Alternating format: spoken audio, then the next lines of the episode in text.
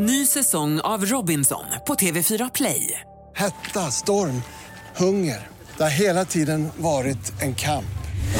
Nu är det blod och tårar. Fan händer just nu. Det. är Detta är inte okej. Robinson 2024, nu fucking kör vi! Streama söndag på TV4 Play. Podplay.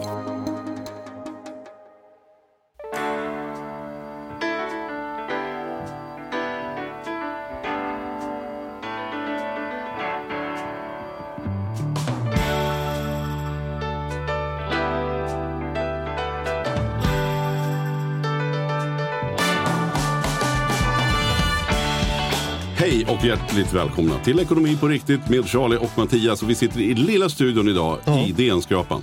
Vi har gjort det fatala misstaget att satsa på tisdagar som vår inspelningsdag Mm. och släppdag. Och det är tydligen den stora poddinspelningsdagen. Så Ja, ofta- så, ja, ofta blir vi förpassade till lilla studion. Men nu ska vi vara lite smartare och börja byta inspelningsdag. Inte vi släpper det på samma dag som. Mm, ja, det gör vi. Men så vi får sitta lite närmare kaffeautomaten. Det är precis. det. Och det är, nej, men det är ändå det är ett mysigt litet bås. Vi har nog någon bild på Instagram där. Det, är- det är verkligen så. Det blir lite intimt på något vis. Mm. Ja, ja. Och sen inredningsmässigt vet jag inte. Men det kanske vi ska... det kommer väl in på nu kanske. Ja, jag tänkte att vi skulle komma in på det. Vi går rakt Mm. på idag. För att vi har en gäst som jag tycker, som jag har hört mycket om. Och kan lite. Men eh, som vi sågs ju för första gången bara för någon minut sedan. Här. Mm. Och eh, det var ju skithärligt att få ett, ett ansikte liksom på, eller en, ett handslag. Liksom. För jag vill påstå att du är kanske en av de mest unika gästerna vi har haft. Ja, tackar. Vad, vad, känner du själv Ella? Ja, men det är ju mycket som händer nu. Det är väldigt spännande. så Ja, är det, det, ska bli väldigt kul att höra. Och sen är det också så roligt för du har ju lyssnat på, presentationen är på väg. Ja, ja, jag lutar mig tillbaka. Du, det du går ser så bra. lite, så här, lite Nej orolig ut var jag ska hamna nu någonstans. eh, nej men, men det, du, för du är också en trogen poddlyssnare. Du typ lyssnat på alla avsnitt. Ja, ja, i stort sett så skulle Ja. jag säga att det och sen, sen bara, så bara händer det någonting i ditt liv som är helt fantastiskt. Mhm. Och det är det vi ska prata om. Så nu kommer den, en rungande applåd och varmt välkommen till Ella Engström!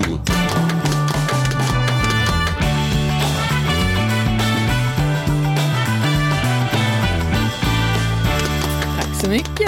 Jättekul att vara här. Härligt, jag fick ihop det till slut. Och jag, jag tyckte det var bra. Hur är läget? Jo, det är fint. Ja, Är det. ja. Mm. Du var, i, igår så körde du radio och idag kör vi podd. Ja, Det är precis. full, fullt ös nu. Ja, det är Ja. fullt ös. Ja, och för en månad sedan var jag på en sån här promotionvecka i New York och körde intervjuer i full fart. Men, men det- det måste ju vara, vi ska ju komma vägen fram där, men om vi börjar liksom i fel ända.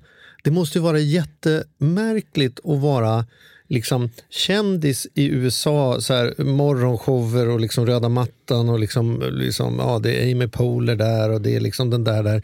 Och sen så hemma i Sverige är det som att ingen, ingen vet någonting. Typ. Nej, det har varit lite speciellt sådär också. Och det här projektet som jag har varit på och gjort, det har ju varit hemligt. Och det är två år sedan för min del som jag har levt i den bubblan. Ja. Och det har varit, jag har inte fått prata om det här hemma. Så det har ju varit speciellt faktiskt. Som en pala- och parallell värld. Och någonting man är liksom. väldigt stolt över. Men man blir ju rädd när man hör din titel. Alltså jag har varit ju rädd när Charlie berättade. Jag vet ju Ella som jag pratat om. Så här, ja, ja, så här, ja, hon, hon är dödsstäder. Ja, och då, bara, så här, man, man hickar ju till liksom. Ja. Men nu måste ju du berätta från början här. Vad, vad är det för någonting? Du måste berätta för lyssnarna. Vad är det Jo. som har hänt och vad är det du gör människa? Ja, vi börjar med vad jag gör. Ja. Jag jobbar ju som inredningsdesigner och professionell organizer. Så jag hjälper folk att rensa bland sina saker och inreda deras hem så att de får stöttande strukturer så att vardagen flyter på lättare. Men är det de som bara vill ha snyggare eller är det ofta de som faktiskt har ett problem med att vi kan inte slänga? Eller alltså... Det är både och skulle jag säga. Men jag tycker ju att hemmet är verkligen som ett stort pussel. Så börjar man i någon ända så är det ju oftast annat som kommer till ytan. Och att det är svårt att bara göra en liten del. Så i mitt koncept så kör jag verkligen helhetsgreppet. Och då är det först att titta nuläge, göra åtgärdsplan, rensa igenom och sen så titta på liksom hur man organiserar det på bästa sätt och sätter upp det så att det flyter på verkligen. Att det händer lättare i vardagen, det man vill. Och sen är det inredningsdelen. Organisera och inreda går ju väldigt i varandra. Så, Men men jag var ju med alldeles från början. Du vet, när man var ett band på deras första spelning. Så Ellas band var jag på hennes första spelning. Liksom, Ja, till det var med det. innan, vi Ja. träffades innan bolaget startade. Och det som var så coolt tyckte jag, med det jag gick igång med redan från start, det var ju det här att utgå ifrån vad är det för känsla jag vill ha hemma? Alltså, vad, ska, vad, ska, vad ska det här vara för hem? Istället för att säga jag gillar blått eller jag vill ha lite marint tema så var det mer som så här, nej, men vi vill att det ska vara socialt eller vi vill att det ska vara lugnt eller vi vill göra det lätt att arbeta hemma eller, eller att vi hamnar i samtal snarare än framför tvn. Så liksom man börjar i liksom, vad, vad, är det här hemmet, vad är det som ska göras här och hur ska det kännas? Och sen blir det, var ska skorna vara då? då? Och Ja. vad borde vara för färg då? Det där inifrån ut-perspektivet tycker jag var ganska spännande. Ja, och det tror jag att jag har varit rätt så ensam om faktiskt. Just den där helhetsgreppet. För att det är ju himla lätt. Det är ingen idé att sminka en gris brukar jag säga. Springa och köpa doftljus och tro att åh, nu blir det hemtrevligt och mysigt. Utan ofta är det ju så mycket andra strukturella grejer man behöver kika på. Hur, hur logistiken funkar hemma och vad det är. Liksom jag brukar ta hallen som ett exempel. Att man gnatar och skäller på ungarna och så där. Att skorna är överallt på golv och man möts av det där när man kommer hem. Men vad har man för förutsättningar för att hålla ordning? Många gånger så gör man så som det brukar vara. En liten hatthylla, en vanlig liten skohylla. Och hur många skor ryms det i den? liksom så. Exakt, ja. Du är en familj på fem pers eller fy, två ungar och två vuxna. Det finns ju inte förutsättningar för att skorna ska rymmas i skohyllan.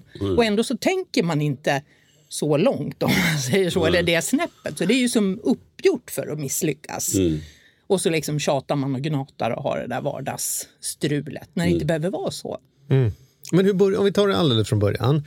För du har ju inte varit inredningsexpert liksom, expert och definitivt inte dödsstädare hela livet. Nej, liksom. nej, hur, det hamnar, hur hamnar man där du hamnar? Liksom? Hur ser Men, men ut? dödsstäder, vi, vi måste reda ut det begreppet först. Innan vi pratar. Alltså, vad är, en, vad är en, en death cleaning som man säger? Det finns väl någonting med svensk... Eh, Det, alltså, ja, det finns ju en bok som gavs ut 2017 som heter Konsten att döstäda. Och det Mm. var en författare som heter Margareta Magnusson som gav ut den boken. Just det, därför har det blivit ett begrepp till och med i USA. Ja. Med Swedish death cleaning. Ja, det har Ja. ju verkligen gått på export den boken och översatts till jättemånga olika språk. Så då Nästan blev det mer känd utomlands än vad den är i ja, Sverige, skulle jag Ja, påstå. faktiskt Just det, nästan så det är inte att man går runt och städar upp döda människor. Nej, det är utan- inte liksom såna här FBI när de är klara och man kommer in i någon crime scene Nej, och tar det, här, rätt på. det här handlar om helt enkelt att förbereda att inte någon annan ska ta rätt på ens skit. Ja, att inte liksom eh, putta bördan på sina efterlevande. Så, då. Och framförallt att inte sitta fast medan man fortfarande lever och leva mer i här och i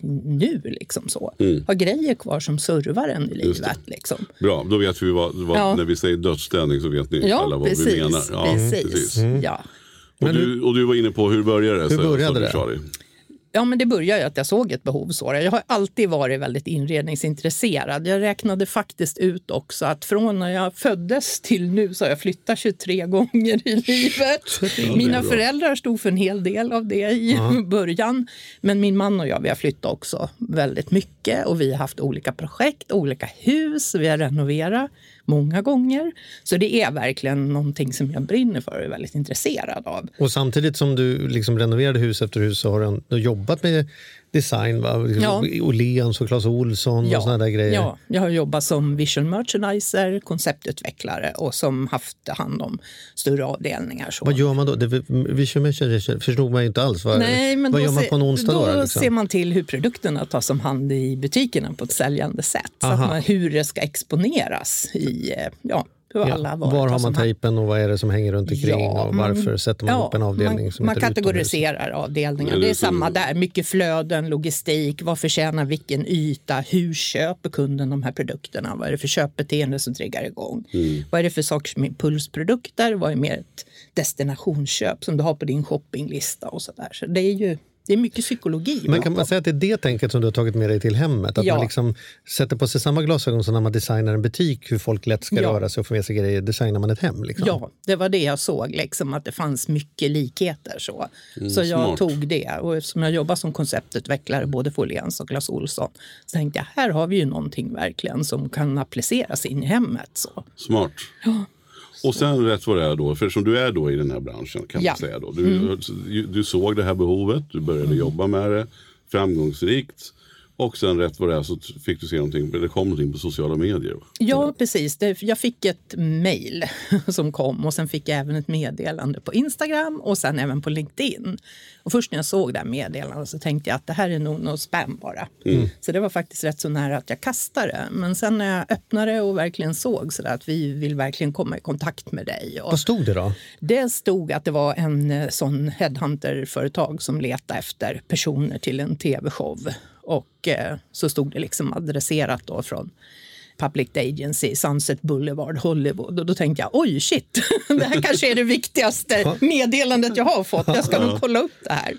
Och så satte det igång liksom, processen. Då, Och då var det nästan som man säger, ibland är det för bra för att vara sant. Men nu var det sant. Det var sant. Det var sant. Mm, så det var och, jättekul. Och, och vad var det, man ville göra en tv-serie om Swedish Death Clean. Ja, precis. The gentle art of Swedish death cleaning. Ja, gentle art, ja, ja. precis. Så. Det är bra om man har lagt till det där gentle så de inte blir jätteskrämda. Det, blir de ju, det blev de väl ändå har jag Det förstått. blev de ändå. Men, ja. men och det du har gjort då, som nu, nu har det gått första säsäsongen. Ja, Har precis. gått i Mm. USA. Ja, den gick upp för en månad sedan precis nu Mm, också. Alla avsnitt släpptes på en gång. Så att, jätte, jättespännande. Mm. Och, och då är det så att du har helt enkelt gjort det vi har pratat om. Strukturerat upp och städat upp inför och sådär. Mm. Ja, Kan du ge ett exempel? Vad kan man, vad får man, för det här, när vi spelar in detta i alla fall, Ja. så är den här serien fortfarande helt omöjlig att se i Sverige. ja, det är den. Jag har Så. lyckats se ett par sekvenser eftersom du kom hem till mig igår kväll generöst visade dem. Mm. Ja, precis. Så jag, Ja. jag kan ju bära vittnesmål. Det var skitkul kan jag säga. Vi både grät och vi skrattade och det är Amy Poehler som lägger rösten och det är väldigt mycket så här, nu har vi svenskt fika och nu pratar vi lagom och här var en dalahäst som du smög Mm. in och grejer. Men också liksom tuffa historier om skilsmassor och cancer Ja, och liksom ja. Mm.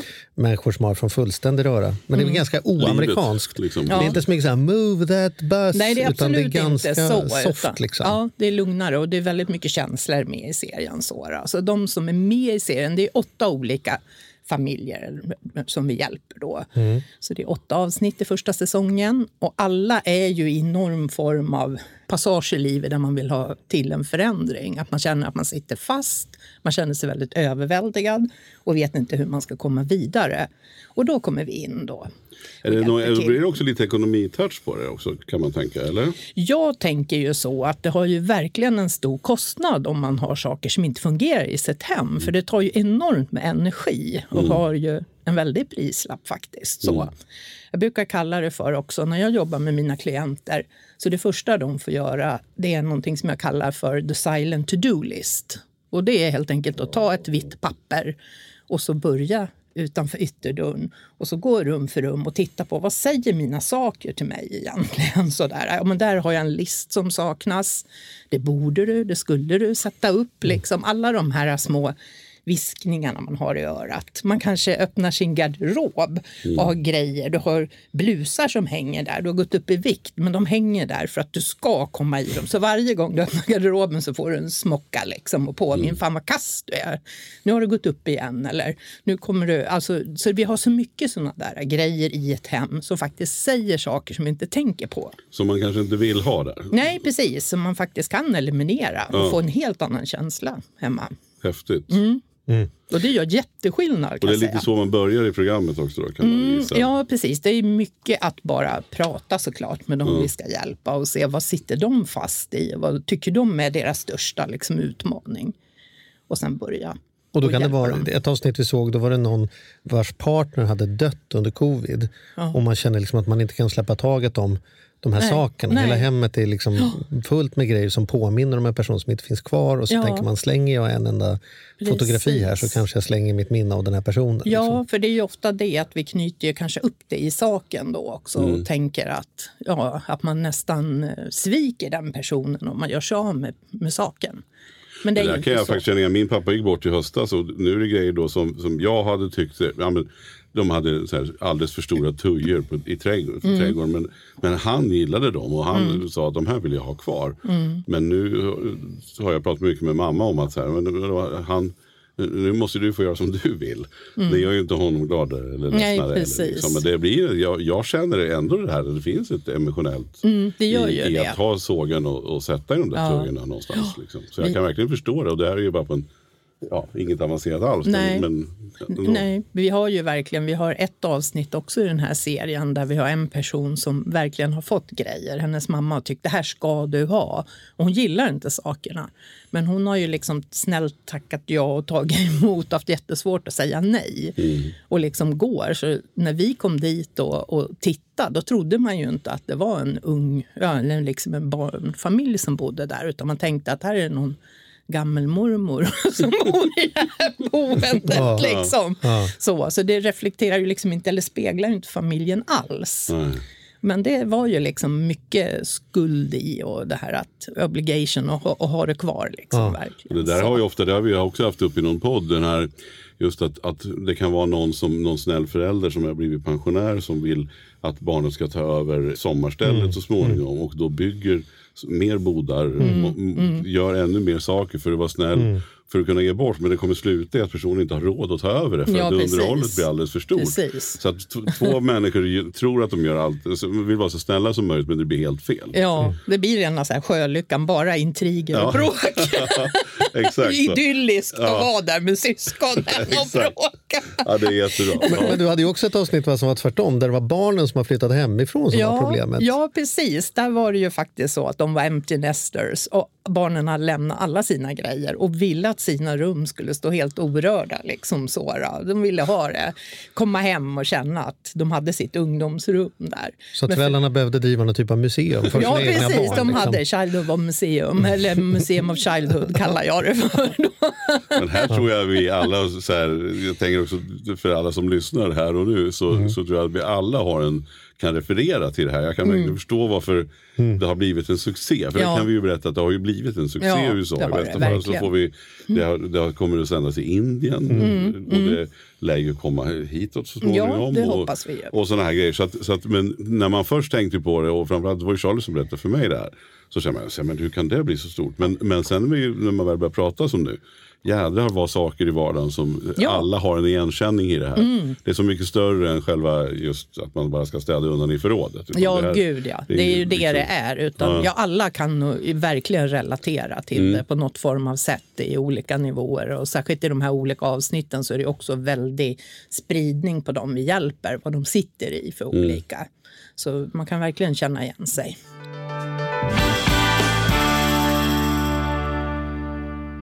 Den här podden gör vi även den här veckan i samarbete med Saveland. Fan vad kul det är att ha dem med ombord. Mm, jätte, jätteroligt. Ja, vi brukar prata om att man har något band som man såg jag stod Bo Kaspers jädrigt tidigt liksom, innan man gjort tv-debut. Och du har något hårdrocksband som du var jävligt tidig på. Ja, alltså jag var på, på Lilla Teatern Göta Lejon och såg Metallica Ja. 1984. Så gammal är jag. Och jag var i kontakt med Saveland när det fortfarande var typ tre, fyra personer där från början. När jag fick möjlighet att träffa dem.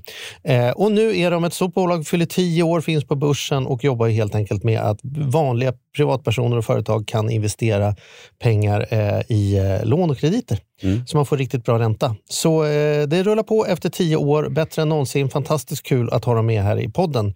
Gå in, testa, kolla. Vi har en kod som gör att om du öppnar ett konto och använder på riktigt får du dessutom en insättningsbonus just nu. Precis, och vill man veta mer så som sagt gå in på saveland.se. Man kan också lyssna på Ludvig som har varit gäst i vår podd två gånger. Får Ja. man en ännu bättre inblick i Ja. vad, vad det är de pysslar med egentligen.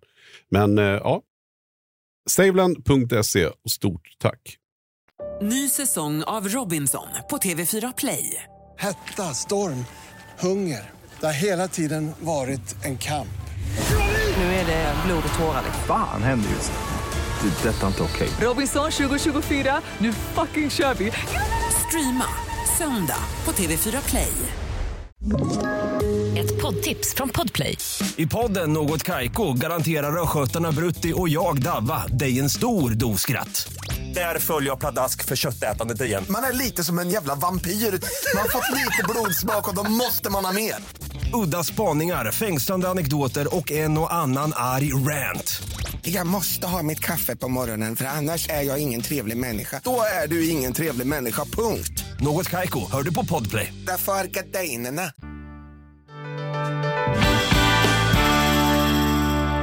Nu måste man ju fråga då, då eftersom jag känner dig, eftersom vi har Mm. jobbat ihop i många år. Men du satt ju i undervåningen i villan i Dalarna och gjorde mycket Zoom-grejer och, Mm. liksom så, så, och det gick bra och så. Men sen var det så här, ja, men nu är det klart. Nu är det bara att packa väskan, åka över flera månader till USA och göra tv-serie. Hur, Mm. Ja. hur, hur var den upplevelsen? Jag, Ja. liksom, hur mycket chock, vad var, vad var det du mötte? Vad är liksom en, en sån tv-produktion alla USA? Liksom? Ja, men det var ju helt fantastiskt att få vara med om den upplevelsen. Så då. Först och främst att bli en av dem som blev utvalda till det liksom, och känna att det jobbet man har gjort innan, att det gav frukt. Liksom, så. Mm. För ni är tre programledare. Vi är tre programledare, så vi har även en som är eh, setdesigner här i Sverige och inredare som är med och är inredare, liksom den taken i showen. Och sen har vi en psykolog också, Katarina, mm, som är med. Och jag då som är organizer. Ja. Och, och hur, vad, hur, vad var det då, liksom när du kom dit? Var det så här, limousin och, och bärstol eller var det liksom, eh, hur var förutsättningarna? Jo, Hur men ser vi- det ut på en inspelning en? Nej, men det liksom? är ju en rätt stor produktion var det ju ändå. Det var väl ungefär 50 personer på set så närmare. det var Så att det- så var vi full- har gjort tv Ja, det är det. Fan. Så det var full rulle och det var Hur går det ens till om man är hemma i någons lägenhet eller någons villa och får in 50 personer? Nej, Man alla måste är ju liksom inte inne. måste All- ju sätta upp bussar hela gatan och Ja, nej, men det är ju tält och- bussar och det är husvagnar och det är liksom, ja, alla har ju olika roller och det är ju en väldig hierarki vem som gör vad. Någon sköter bara batterierna och laddar och alla har liksom verkligen tydliga roller vem som gör vad då. Men eh, ja, vi hade väl någon dag när det regnade, då hade vi en paraplybärare som gick och jobbade. Jag kan hålla mitt paraply själv. va? Nej. Men, men framförallt tänker jag att instruktionsprocenten måste, det måste ändå varit lär, Jag tänker att vi tyckte ju själva när vi, på det tv vi har gjort att man lär sig efter en stund att förstå. Eller så här, vi vart ju bättre och bättre. Mm. Men här tänker jag då när man blir inslängd i en sån här stor produktion på en gång så måste det varit viktigt med dina kompisar som Ja. coachar och så här. För att mycket som, man, som, som vi tyckte så här, kändes så här, men vi kan inte säga så här. Alltså att man Mm. vet att tv filtrerar väldigt mycket. Och det tog ju en stund innan vi lärde oss det. Mm. Men jag tänker här är man väl lite mer proffsig och kanske att du fick bra support från, från början. Ja, men vi hade det. var ju otroligt fritt och vi fick ju vara med och påverka väldigt mycket själva också. De hade en Mm, kul. väldig tillit till oss i, Ja, i produktionen så det kändes så himla bra. Mm. Och det var ju liksom, vi visste ju lite om dem vi skulle hjälpa. Att här är liksom lite den större bilden av det. Att eh, det kommer vara en källare som är full i grejer och eh, den här personen har mist sin fru för så här många år sedan och sitter fast i det. Men så himla mycket mer visste vi ju liksom inte Mm. heller. Utan, och då bollar ju vi tre med varandra framför allt. Att hur gör vi det här på bästa sätt? Smart nu? om en psykolog också, det saknade vi faktiskt på plats. Vi Ja, det hade vi ju. Vissa säsonger gjorde vi så att vi hade en Mm. off-cam, en psykolog tillgänglig. Eller vi såg till att det fanns en som de kunde ringa. Mm. Ja. För vi vet ju känslomässigt hur det kunde bli. Ja, det ju och man står där och sen är det kväll. Och sen Ja. ska man personen i fråga leva med det här över natten. Mm. Och det tyckte jag var superjobbigt många gånger. Och det var väl här att man kunde ha den, att ni var tre då. Alltså. Mm, jo, för jag tänker, det påminner ju mycket om det där. Alltså, det är så mycket skuld och skam även i det här med prylar. Och hur har jag kunnat låta det gå så här långt? Och varför har inte jag klarat av att tagit tag i det här själv?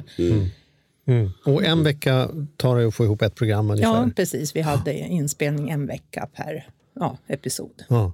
Men du var kvar där borta. Du bodde kvar liksom, under hela perioden. Då. Mm, Ja, vi var där tre månaders tid då, och körde full, full fart. Hur var det? Hur var det? Nej, men det var fantastiskt. Alltså, så, när man själv driver företag också van att ha ett tempo. För att innan jag liksom vågade hoppa om jag säger, från min fasta anställning också så körde jag ju dubbelt i ett och ett halvt år i alla fall. Så då var det ju liksom heltid först på dagarna och sen kvällarna och helgerna. Då var det ju fullt fokus på mitt företag. Så jag jobbade ju otroligt hårt. Så när jag kom dit då var det nästan så här herregud, det här är, även om det var väldigt långa dagar, att vi kunde börja sju på morgonen och vara hemma halv tio på kvällen, så kändes det nästan som att det är lite semester på ett sätt, för det är någon som talar om exakt vad jag liksom, nu ska du vara där då, och behövde ju inte tänka på det sättet själv, utan ja, bara göra och vara mig själv. hur, hur var det då? Men jag tänker, det måste ju varit väldigt bra då att du har att du hade först gått från anställd till att ändå vara egen. Att du hade tagit det här. Du hade ju liksom hoppat en gång och Mm. kanske också mer självförtroende i att våga ta det steget. För är man heltidsanställd och sen bara vara borta tre, det är inte säkert man får tjänstledigt. Eller Nej, nej, man kanske inte har precis. jobbet kvar. Utan Nej. det måste ju vara, och det här måste ju vara en fjäder i hatten som referens. Du kan i alla fall berätta om det även om du, du inte har kunnat det. Men Mm. nu är du ju ute och Det måste ju också kunna ge mer jobb tänker jag. Ja, det kommer det ju säkerligen. Eller det märker jag ju redan nu. Ja. Nu får jag ju faktiskt ha väntelista. Men tror du att du, jättekul. kan det bli jobb där borta då? Så att du liksom börjar... Ja, det tror jag definitivt att det, det är väl på gång. Massa Vad spännande roligt. saker. Och regga bolag i USA nu då? Ja, det tror jag också blir smartast att göra. Mm. Så att vi får se. Men vilken resa du står inför. Ja, ja, det är Det har ju verkligen bara börjat. häftigt. Ja, det är bara början. Det är verkligen. Och det kommer bli en säsong till, vet man det? Det vet vi inte helt. Då. Det lutar ju åt det, men vi får se. Det är fortfarande ingen official pickup. Det är ju lite, nu har vi blivit nominerade för Critics Awards, så där har vi en nominering. Och sen är det ju Emmy nomination där vi ligger bra till att få en nominering, har det stått i press och sådär. Men det får vi se. Och hittills har det här inom situationstecken bara gått på stream, stream det har inte gått på linjär tv. Mm. Nej, borta än. precis. Nu, har, nu går det ju på Peacock då, så då är det streamingtjänst. Mm. Ja, vad spännande. Men du, har du blivit rik då? Liksom, eh, öser de pengar på en för att komma och göra en tv-serie Nej, så man att du får- kan gå i pension nu? Nej, eller? inte så man kan gå i pension. Men det är klart man får ju rätt så bra betalt när man åker över om man ser för tidsperioden som det är. Så är Det det, är bra timlön för de tre månaderna. Det är det verkligen. Men sen får man ju tänka på att du har ju liksom också de här mellanperioderna. Som nu Mm. går vi och väntar. Kommer det att bli en säsong två, vilket vi hoppas. Men man vet inte. Då kan inte jag lassa på mig med jobb heller utan eller Nej, hålla öppet om det blir och, Mm. och sådär. Så det ska ju liksom täcka lite längre period så också. Så Mm. att, mm. Hur tar man betalt då i en sån verksamhet tänker jag? Är det för att det där måste ju vara Tar man betalt per dag eller tar man, för det kan ju se, en dödsställning kanske är gjord på en dag någonstans men kanske på tio dagar någon annanstans. Ja, du tänker på när jag man hjälper har. mina Ja, kunder men alltså jag så tänker, hur, hur tänker Ja. man debitering? Så jag är bara nyfiken på Ja, hur nej, man... men det är ju ofta så får man ju titta innan och ha möte och så lägger man ju en offert beroende på hur mycket saker och prylar Ja, det det. är då. Ja. Annars är det ju per timme då som man debiterar också. Mm. Och du kanske du ska ordna med bortforskning och containrar och Ja, precis. Så kan det ju vara också ibland. Då, att Ja. de vill att man tar det hela vägen. Men sen har ju jag, i och med att jag startade ju också precis när det var i resan, när jag började köra lite mer, det var ju precis med covid-perioden. Och jag ville ju ändå, jag har ett tillställe, ett tillboende på norra Cypern. Mm. Och där vill ju jag vara så mycket som jag bara kan. Och speciellt under vinterhalvåret, det är ju ett mål. Så då ville jag bygga upp min verksamhet också mycket på att det skulle finnas digitalt. Så jag jobbar väldigt mycket digitalt med mina kunder. Så de har hemläxa och vi har möten via Zoom och så får de skicka bilder och sända videos och så sätter jag upp projektplan och avstämningar och så här listor, checklistor Wow. och grejer. För du kan liksom inte ha Ella till att gå igenom dina gamla fotografier. Det är ändå Nej. du som behöver välja ut vilka ja, som ska vara precis. kvar. Men det funkar Så jättebra. det- alltså. Jag är ju där och coachar, hjälper dem. Vi sätter upp i vilken ordning man gör det på smarta sätt och sen ger den där sparken i baken som Mm. de behöver. Och i och med att de också fotar under själva processen, då får de den där lilla extra kicken att ja jäklar, vi ska ju skicka bilder till Ella nu, då, då blir det gjort liksom. Ja. Sådär. Så att det är faktiskt, nej, det har funkat väldigt bra att köra på distans. Och jag har ju haft verkligen kunder över hela Sverige och så också. Mm. Och även lite Och nu kan du ha över hela världen. Ja, precis. Mm. Mm. Men du, kan vi få lite hjälp då? Om man sitter och lyssnar på detta innan man går in på Engsroom och liksom börjar köpa, Ja. köpa dina kurser och grejer. Hur börjar man dödsstädningsprocessen? Om man liksom tänker att, vad fan kan inte jag... För mig är det lite... Jag, jag är snarare när ska man börja? Ja. men jag, för jag tänker att det är lite som, för mig är det lite som mäklarstädningen. Det, liksom, Ja. det var en insikt för många år sedan att, att jävlar vad man håller på och gör fint hemma och plockar bort Mm. hälften av alla grejer och, och gör i ordning när man ska ha visning för Ja. att nu ska jag sälja det. Precis. Och då känner man så här, varför har jag inte haft det så här hela tiden? Nej, det liksom, är det, är ju så här jag egentligen vill bo. klassiskt. Ja. För det är egentligen vad dödsställning på sätt och vis är. Varför inte alltid ha Nej, ett liv som är precis, sådär för som då det på gör man ju liksom Mm. det, det bästa och visar Mm. det bästa för någon annan. Och varför gör man inte det för sig själv egentligen? Liksom, för upp de här listorna, det är ju då de kommer på plats Mm. när man ska sälja huset. Jo men en del vill ju ha prylar. Jag, vi Ja. är väldigt så, det kan väl du inte kanske ha, vi har inte många prylar. Nej, du och jag är båda två ganska, jag Mm. kanske till och med har mer. Ja, jag är mer Ja, du, har mer, du har mer. Ja. Och jag har till exempel en, jag har en kartong, en flyttkartong av mitt tidigare Ja. liv. Ja. Det är allt jag Mm. har. Jag Liksom äger inget mer alltså, som är kvar. Det är någon minnesgrej. Nej, Men jag har ingenting annat. Alltså, Nej. i min, Nej. liksom, jag är helt osentimental när det Ja. kommer till grejer. Ja. Men det har jag förstått att inte alla är. Men Nej, en del, det är väldigt och en del olika. vill ju ha mycket Mm. mer än vad mäklaren vill. Mm. Alltså en del skulle, Mm. skulle inte trivas i en mäklare. Nej, nej i bild. någon sån här mega stylat. Liksom, Nej, kliniskt, man, man älskar, jag opersonligt. vill ha grejer och jag förstår, jag blir alldeles stressad snarare när jag kommer hem till folk som har så mycket prylar. Det står prylar överallt, liksom. köket är belamrat och Mm. Ja. kylskåpsdörren är fullproppad Mm. med magneter och skit och meddelanden. Det är så här, det, sånt får jag krypningar av Ja, istället. nej, men man är ju man verkligen, är olika. man är verkligen så, olika så, så där. vad är det man ska tänka på då, just när vi säger dödsstädning? Alltså vad, Ja, om man men- nu vill ha lite magneter på kylskåpet. Ja, men då tycker jag man ska ha det om man tycker man får energi av att ha sina magneter. Så är det inget fel. För det är många som liksom också förväxlar det med och tror att det handlar om att bli minimalist. Det är ju inte alls Nej, det. det är det jag menar. För det är Nej, viktigt också att det utan- inte handlar om nej, det. utan det handlar ju faktiskt om att ha de sakerna som servar dig här och nu och som du tycker om. Att man håller kvar i sakerna av rätt anledning. Så att Just det det. inte har med Inte blusen skuld som är och- lite för, Nej, lite för trång. nej, som påminner som Utan- man mår dåligt ja, och bara utan- känner precis. de här måstena och bordena det här det. hela Snarare tiden. en bild på barnbarnet eller Ja. respektive. Eller Mm, någonting. Ja, och sånt som fattar. ger en mer energi. Liksom, Ja. sådär då. Men det jag tar, jag tar med mig när man tittar på programmet är ju att, jag sticker ut hakan och säger det här, att nästan alla skulle älska sina hem mer om de tog bort hälften av grejerna. Mm. Därför att om man bara behåller den halvan man tycker bäst om, då tar ju de plats och syns på ett annat Mm. sätt. Om man, helt plötsligt ser man den där tavlan och den där krukan jag älskar och när den står med fyra andra krukor eller i värsta fall i skåpet. Liksom, Mm. så att man, jag tror ofta också det är ett försvar. Nej, men jag, vi gillar att ha mycket saker. Jag, Mm. jag tycker det är härligt när det är lite levande runt omkring. Ja, men om du skulle ta bort hälften kanske du skulle konstatera att det blir lite lugnare i huvudet och knoppen och lite roligare att göra grejer Mm. jag också. brukar faktiskt också jämföra det med som man vet hur det låter när det blir strömavbrott. Det är då man märker att det där kylskåpet surrar, fläkten där, att det är mycket brus. Du tänker Mm. inte på det när du har det på, utan när det väl blir tyst, då känner du bara jäklar vilken skillnad. Och det här är precis samma sak, att när man väl får undan och det är lite lättare och det flyter på, då känner man också den här lättnaden och att du verkligen får energi på ett helt annat sätt. För det är ju ofta man har otroligt mycket prylar som gör att det blir så svårjobbat i vardagen. Att liksom du får, ja gud man ska åka på picknick och så blir det värsta projektet för du ska in i förråd och så är picknickväskan längst bak och så ska du börja med att lyfta ut liksom massa grejer och sådär.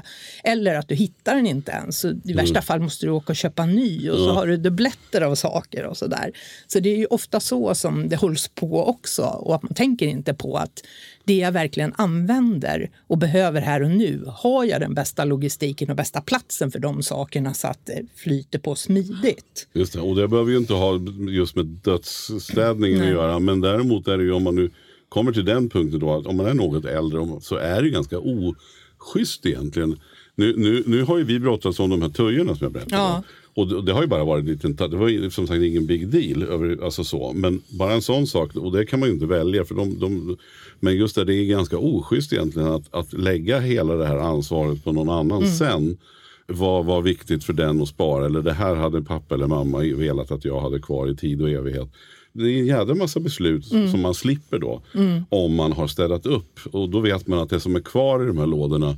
Det var någonting som pappa eller mamma Mm. verkligen tyckte om eller ville. Och man kan ju också skriva upp eller säga att det här, Ja. det här är värt något. Eller det här tycker jag om ni vill. Eller, och så. Mm, för det är en, faktiskt en del i dödstädning det här att eh, ge det vidare. Att verkligen antingen skriva ner om den här saken, att varför Mm. är den viktig, vad är historien? Ja, men den här kom från din mormors mormor och det, att du får lite mer, varför den är viktig så att Mm. Ja, säga. Det och blir en helt nej, annan precis. sak. Och då kan man själv avgöra om man tycker det är kul eller inte. Men då precis. vet man i alla fall. Liksom. Precis, absolut. Och Ja. även kan liksom, man kan sälja det på Blocket eller ge bort det till, men, men att bara se glädjen Mm. i någons ögon som verkligen vill ha en sån här brödrost från 68 som man drömmer om. Ja, jag menar- Medan man själv bara har en Ja. stående i garaget. Det är ju också en liten miniglädje. Men Ja. jag tänker på en grej till apropå Lyxfällan Mattias. Att vi gjorde ju framförallt de sista säsongerna ganska mycket så här symbolhandlingar. Vi tvingade, eller de handen och sparkade i rumpan att sälja saker.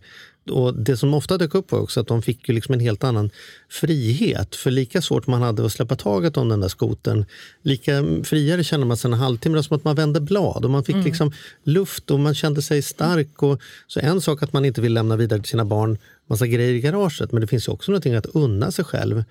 Och få bli klar med mormors gamla grejer är det lite som att då kan mormor äntligen få vila i graven eller Mm. städa ur efter mitt ex. Liksom så här, vi är inte ihop längre, jag behöver inte hålla på. Och, och liksom, jag tror att vi får mycket mer energi för oss själva också, även om det Ja. spelar väl ingen roll hur det ser ut på vinstförrådet. Ja, det gör det tror jag. Liksom. Nej, men det är väl som att, att, om man tänker trädgård, om man beskär ett träd. Det Mm. behöver ju beskäras för att det ska kunna växa bra. Alltså du ger plats för något nytt. Mm. Så. Så det är lite samma sak här, att man behöver titta. Jag menar, tittar man på sitt liv, man förändras ju. Och det gör ens behov också. Man kan inte ha kvar alla grejer, utan det är ju viktigt då liksom, det servar en ju verkligen att titta på det nu och då. Vad är det som har förändrats? Liksom? Nej, men gud, det här använder vi inte längre. Då är det bättre att någon annan kan använda det istället. Att Ja, för det är ju så det. fascinerande. Precis. Jag, vi försöker tänka så, köper vi något nytt så säljer vi någonting Mm. gammalt om det är typ ungefär samma, samma funktioner. Så där. Men det är ju också så där, verkligen otroligt hur det finns alltid folk som vill ha saker. Mm. Alltså så att man, man, och som verkligen kan få glädje av Mm, dem då. mm. Och strunt samma man får ge bort dem mot att de bara står i ett förråd. Eller, Nej, det är liksom- mycket bättre att det kommer till användning Ja, än precis. att det står och samlar damm bara. Mm. så att säga. Och lika det här att man håller kvar i grejer. Många gånger kan det ju vara en fantasi av vad man tänker att man har varit. Att man kanske har en hobby och så har Mm. man köpt liksom alla grejer som har med den hobbyn att göra. Varenda padelrack som Ja, finns. och sen det är samma där. De där grejerna påminner en om att jäklar, jag borde ju måla egentligen. Eller jag borde göra det här. Att det är liksom en tid som, det är en fantasi liksom. Eller man köper grejer till ungarna och har tänkt, åh gud, det här ska de leka med. Det ska vara på ett visst sätt. Har man en bild av. Men Ja. det blir inte så. Nej. Så många gånger är det just fantasin om något som man håller kvar i. Skulle jag säga också. Där. Mm. Jag och Andrea bråkade mycket, eller bråkade ska inte men det var en, en lång process. Det här med böcker. Därför att hon läser ju väldigt, väldigt mycket. Jag läser mycket också, men hon läser väldigt mycket mer. Och vi hade en stor period när hon köpte böcker. Och då, då var jag så, men vad, vad, liksom, nu har du ju läst klart den. Ja, men då, då skulle den stå där på hyllan och liksom stå där. Och till slut var jag så otrevlig och sa så här, men ska vi spara alla urdruckna mjölkpaket också för att visa hur många mjölkpaket vi har druckit? till? Du, du kommer ju aldrig läsa den här boken igen. Du är ju klar med den. Mm. Liksom. Men för Mm. henne var det som att ja, men det är en serie och den står Mm. där och jag tyckte de var bra. Ja, men du behöver inte ha kvar böcker bara för att du tyckte Nej. de var bra. Liksom, och till slut kom vi där att och vi gjorde det jobbet ihop så det är inte som att jag hänger ut Andrea. Men kom vi fram till liksom så här, för varje ny bok som ska köpas så ska vi släppa taget om någon gammal som du var inne på. För Mm. vi, det här är de bokhyllorna vi har. Vi tänker inte köpa fler bokhyllor. Nej. Så, och en full bokhylla är på något sätt att säga nu finns det inte plats att lära mig något mer i livet. Nej, jag har också nu kör de. Kindle och andra Mm. grejer så nu är inte det likadant. Men, Men ett tag var det väl lite som troféer också att man visade att man, alltså Ja. lite så här Mm. show-off liksom. Mm. Att man har läst de här eller så här mycket böcker har jag läst. Eller så här. Men den, den tiden tror jag också är, det är digitalt nu. Är, jag tror inte man Jo, man kan, jag, jag har kvar gamla vackra böcker efter mormor och morfar. Mm. Som är liksom, men, men de blir som ett smycke då. Liksom, att, Ja, att jag precis, tycker att de det är något annat. vackra, Mm. gamla, handbundna, liksom, fina böcker. Men liksom en pocketbok, även hur bra jag än tycker liksom, att, att den här deckaren är, så, så här, jag är klar med den. Nu kan någon annan få ta den. Liksom. Nej, men där är ju viktigt också att titta på vad jag har för yta och låta ytan vara let the space be the limit brukar jag säga verkligen också. Det Ja. jag har, det som får plats här, det kan jag spara. När det börjar välla över då är det dags att, att dra ner lite. Inte rensa. skaffa fler plastlådor. Du hade gått ut här och sagt till någon Ja, stor precis. tidning att... ja, vad att det inte, sagt? ja, men jag hade sagt att eh, buying new plastic bins is not the solution and uh, putting stuff in them. Mhm. Det är liksom inte det. Men det är ju mycket så annars i USA just att de är mycket för att och just ploppa i i plexiboxar och i regnbågsfärger och sådär. Ja. och det blir ju inte, det är ju inte riktigt så som vanliga människor lever. Det är det jag tänker är så himla viktigt att faktiskt eh, knyta återigen till det här. Hur använder man egentligen sitt hem? Vad har man för ytor? Hur kan jag använda dem på bästa sätt och optimera mitt hem så att det funkar för oss och det vi vill ska hända? Och jag menar då hålla på att hälla över mat som är i en kartong i en annan butt. Ja, för att göra det blir ju bara som extra steg. Man ska ha sex liksom. likadana plastförpackningar. En med liksom så här Ja. makaroner, en med sån Ja, pasta. exakt. sån- Det kan vara jäkligt estetiskt och snyggt men liksom sen är ju frågan, kommer man hålla på och hälla över och fylla i ja, ja, Ja. de här grejerna? Vissa grejer, det är ju inte meningen att det ska bli svårare, Nej. tänker jag. Exakt. Nej, Nej. det där är fascinerande. Min dotter har varit i USA ett år på ett utbytesår Mm. och hon köper väldigt mycket second hand och, och gör det, eller egentligen bara kläder på second hand Mm. här hemma i Sverige. Och då hade jag nog så fördom om att man inte gjorde så i USA. Men det fanns ju jättemycket second hand Ja, i alla fall där hon var. Ja. Det, det tänker jag också någonting som ni antar att ni har, just att kunna göra sig av med grejer så finns det ju en stor marknad för Mm, gör second hand-grejer. Och även här i Sverige. Ja. Liksom. De är väl både och där. Jag tror att det är liksom nästan lite två läger på ett sätt. Ja, är det inte lite demokrater? Ja, ja, ja, jag vet inte hur det hänger ihop riktigt där. Men just att det finns ju de som är mer och mer att de börjar och, ja, men, återvinna grejer och, och Mm. köpa second hand och fixa. Men det är ju inte alls i samma utsträckning så som vi tänker Nej, här. det För vi precis. är ju verkligen mera. DIY-iga här och Mm. Ja. upp, eh, målar om byråer och fixar och grejer. Det är ju någonting som vi liksom, där är det mer att det kastas. Men det måste ju varit en häftig balans för dig. För jag, du har ju skinn på näsan, den saken är klar. Men du har också ett väldigt varmt och härligt eh, sätt att vara. Jag kan tänka mig att du måste, det är mycket balans där. Att Mm, få att någonstans sätta ner foten och göra klart att de här Ja. grejerna kan du fan inte ha. Nej, Samtidigt ska man ju få det på ett vänligt sätt. Precis, Men, men- det känns som du, är- alltså, Nej, men du måste vara perfekt ja, för Nej, men det har jag verkligen fått. Det har det skrivits otroligt mycket med att jag har gjort det. Liksom. De säger verkligen, Gud vi älskar dig för att du är så rak och tydlig och Mm. enkel. Men ändå så varmhjärtad när du gör det och kramar och skrattar mer om. Det är skillnad att skratta med någon än åt någon. Exakt. Det händer att du tar upp grejer och säger så här, what the fuck? Ja, Liksom det kan jag göra. Jag säger ju till det någon det också sådär. Jag sa det till någon där också när vi står och rensar bland såna här ja, artgrejer ifrån barnens Mm. alster. Och då säger jag det, but sometimes kids do ugly things. och han ser helt chockad ut så här först, men sen blir det ju, alltså man bryter den här Ja, så det blir bara att skratta till slut. Exakt. Att ja, det gör de ju verkligen. Ja. Liksom, varför jag sparar allt Och det det, här? om man vågar kanske inte ens säga det. Ibland kan det vara, vara förlösande att du säger meningen istället för att man själv säger den. För det hade varit lite fult. Liksom. Ja, precis. Men Så- du kan vara jävligt rak Ja, och jag kan vara väldigt rak. Så Ja. den har väl Vad roligt. Och om man nu vill ha, nu har du att göra, men vi kan väl ändå slå ett slag för din hemsida? Ja, det kan vi göra. Ja, då, och är var det, går man då? då går man på engsrum.com. Engs Room. Ja, E-N-G-S. Ja, och sen R-O-O-M. Ja, .com. Ja, Så precis. kan man eh, signa upp sig där på listan. Ja, det kan man göra. För nu vet vi inte riktigt hur mycket du kommer att göra. nej, nej, precis. Jag får anställa Jag tänkte säga att du får personer. anställa. Ja, så det- ni som hör det här nu och känner att ni är en liten mini- mini-Ella här nu som känner att det här, det här skulle jag vilja. Sök jobb via engsroom.com. Ja, Ja. Nej, men sen har jag min digitala del och den finns ju tillgänglig Mm. för alla. Så att säga. Och det kan vara en väldigt bra början när man känner Men du jobbar inte för hårt nu bara? Nej. Du ska ju njuta Nej. också nu av Jag njuter. framgången. Mm, och unna dig att. Mm. åka till Cypern och kanske ta hälften av kurserna. Precis, Då blir det såklart mer jag ska säsonger. göra. får du dra in degen där borta. Ja, ja. Nej, men det är ju så, det är så himla roligt. Jag brinner ju verkligen för att få göra det här nu också och skala upp det och göra skillnad i människors liv i en större skala. Det är jättehäftigt för jag vet ju vilken förändring det kan bli i folks liv och, och sådär. Hur tacksamma de är när de får de här bitarna på plats. Ja, det Ja, känns fantastiskt. fantastiskt spännande och jag eh, skulle inte alls bli förvånad om vi sitter här om ett år och eh, pratar om premiären på kanske en, en svensk. Nej, vi får se Gentle vad som, Art of Swedish vad som Ja, händer. Ja. Det hade väl varit fantastiskt om vi hade fått eh, hjälpa människor i Sverige också. Ja, eller, det hade eller vad det blir. inte varit så dumt. va? Toppen. Ett jättestort tack för att du ville komma till oss. Ja, det har varit en ära att ha dig, mycket. ha dig Ja, med. Hoppas att du har tid att fortsätta lyssna på vår podd. Ja, det gör jag. Samtidigt får du städa det för att ha öronen. Avkoppling. Ja, det är så härligt. ja, Ja, så. ja, ja, Tack så jättemycket Ella. ja, tack själva.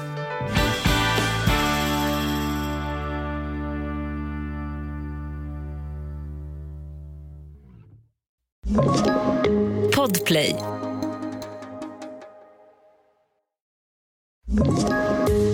Poddtips från Podplay. I podden Något Kaiko garanterar östgötarna Brutti och jag, Davva, dig en stor dos skratt. Där följer jag pladask för köttätandet igen. Man är lite som en jävla vampyr. Man har fått lite blodsmak och då måste man ha mer. Udda spaningar, fängslande anekdoter och en och annan arg rant. Jag måste ha mitt kaffe på morgonen för annars är jag ingen trevlig människa. Då är du ingen trevlig människa, punkt. Något Kaiko, hör du på Podplay. Därför är gardinerna.